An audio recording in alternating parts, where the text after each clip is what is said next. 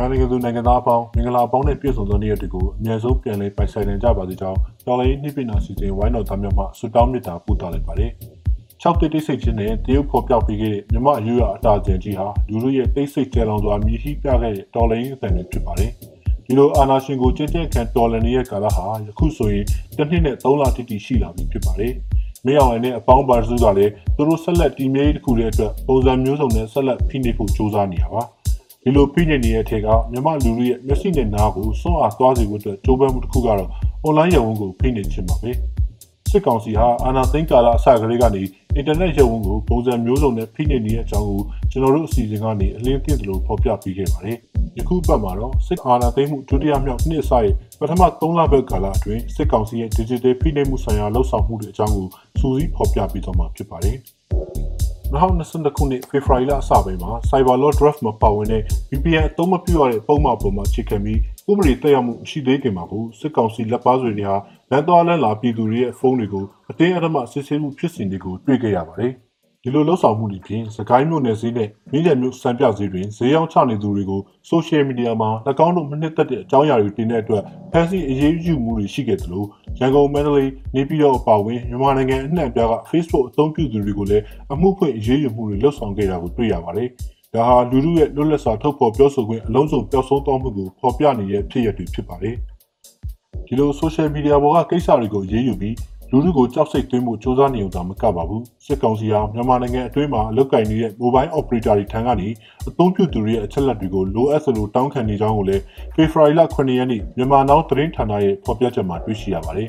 ဖေဖော်ဝါရီလ12ရက်နေ့ပြည်တော်စုနေ့မှာနေပြည်တော်အပါအဝင်ရန်ကုန်တိုင်းမန္တလေးတိုင်းပဲခူးတိုင်းကရင်ပြည်နယ်ရခိုင်ပြည်နယ်နဲ့မြို့ကြီးအတော်များများမှာအချိန်ပိုင်းအင်တာနက်ပြတ်တောက်မှုတွေပြုလုပ်ခဲ့ပါတယ်။ တော်လင်းအင်အားစုများနဲ့စစ်အာဏာရှင်ဆန့်ကျင်မှုတပိတ်များဖော်ဆောင်ရန်လှုံ့ဆော်မှုကိုပြပြစေဖို့အတွက်ဒီလိုဖက်တောက်မှုကိုပြုလုပ်တယ်လို့လူတို့ကသုံးသပ်ခဲ့ပါတယ်။ဒါအပြင်ဖေဖော်ဝါရီလ22မှာကရင်ပြည်နယ်ကော့ကရိတ်မြို့နယ်အန်ဖလေးရွာဒေသခံတွေရဲ့လက်ကင်ဖုန်းတွေကိုစစ်ကောင်စီတပ်ဖွဲ့ဝင်တွေကသိမ်းယူမှုတွေပြုလုပ်ခဲ့တာကိုတွေ့ရပါတယ်။ဒါဟာစစ်အာဏာရှင်တွေရဲ့လူမှုအပေါ်ကြောက်စိတ်ကနေပေါက်ဖွာလာတဲ့လှုပ်ဆောင်ချက်တွေကတစ်ခုဖြစ်ပါတယ်။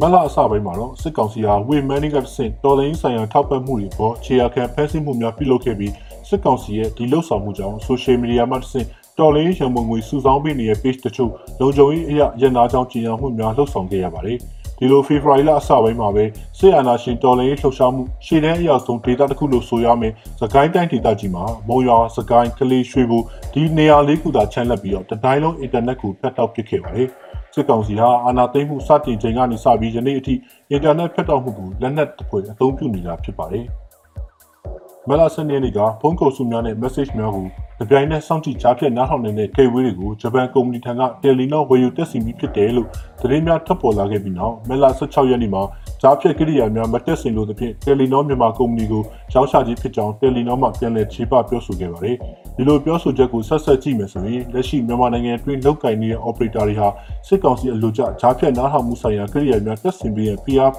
ခံထားရပြီးဖြစ်ပြီးဒီအခြေအနေကိုမဆောင်လွှဲနိုင်တဲ့ခေတာဟာသိတာလုံးပါတယ်။မြန်မာနိုင်ငံအတွင်းကမိုဘိုင်းဖုန်းအသုံးပြုသူတွေရဲ့ပုဂ္ဂလိကဆိုင်ရာလုံခြုံရေးရှိခြင်းဟာအနေဆုံးအမှတ်ရဲ့အနေဆုံးအထိအောင်ရောက်ရှိနေပြီဆိုတဲ့သက်သေများပဲဖြစ်ပါတယ်။ ဒါအပြင်တယ်လီနောရဲ့ထိပိုင်းအကြီးအကဲချုပ်ကိုနိုင်ငံတွင်းကထက်ခွာခွင့်မပေးခဲ့တဲ့အကြောင်းကိုတယ်လီနောဘက်ကထုတ်ဖော်ပြောဆိုခဲ့ပါတယ်။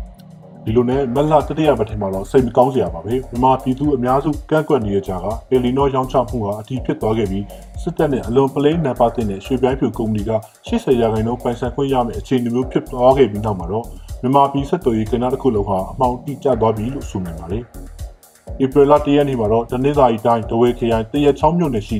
တောင်ပြောက်တိုက်နယ်မှာအင်တာနက်ထက်တောက်ခံခဲ့ရပါသေးတယ်။ဒါ့အပြင်ဧပြီလပထမပတ်ထဲမှာပဲစစ်ကောင်စီပြင်ဆင်ခဲ့တဲ့ဦးကျော်ကျော်နိုင်ငံသားငွေသုံးစွဲရေးဆိုင်ရာမူဝါဒကြောင့်ပို့ကုန်သွင်းကုန်များအပြင်ဗီဇာကတ်သုံးစွဲမှုများပါအခက်အခဲများဖြစ်ပေါ်ခဲ့ပြီးအွန်လိုင်းငွေပေးချေမှုဆိုင်ရာကိစ္စများပေါ်အခက်အခဲများဖြစ်ပေါ်စေခဲ့ပါတယ်။ဧပြီလ18ရက်နေ့မှာတော့ခန်နီးနဲ့ Homeland မှာအင်တာနက်ပြန်လည်သုံးစွဲနိုင်ခဲ့တယ်လို့ဒေသခံတွေကဆိုပေမဲ့သခိုင်းတိုင်းတိုင်းလုံးကြီးကအင်တာနက်ဖြတ်တောက်ခံရတဲ့အခြေအနေနဲ့ရှိရင်ဒါဘာမှပြောစရာအခြေအနေမဟုတ်ပါဘူး။ ဒါအပြင်စာရေးကရတဲ့ရထိုက်တဲ့အခွင့်အရေးတစ်ခုကိုပိတ်ပင်ထားပြီးပြန်ဖွင့်ပေးလိုက်တာဟာကျေးဇူးတင်စရာတပြားသားမှရှိစရာရှိတဲ့ကိစ္စလည်းဟုတ်မနေပြန်ပါဘူး။ဒါနေဘက်ကမလဲ NUG CRPH အပေါင်းဝင်၎င်းတို့မနစ်မြို့တဲ့မီဒီယာတွေစစ်တပ်ဆန့်ကျင်သူတွေဖွဲ့စည်းတွေရဲ့အင်တာနက်စာမျက်နှာတွေကိုဖြုတ်ချဖို့လိုင်စင်ရဆက်သွယ်ရေးကုမ္ပဏီတွေကိုဧပြီလ10ရက်နေ့နေ့စွဲနဲ့ညွှန်ကြားထားတဲ့ညွှန်ကြားစာတစ်စောင်လည်းပေါက်ကြားလာခဲ့ပြီးတော့ခေတ်သစ်မီဒီယာကနေဖော်ပြထားခဲ့တာကိုတွေ့ရပါတယ်။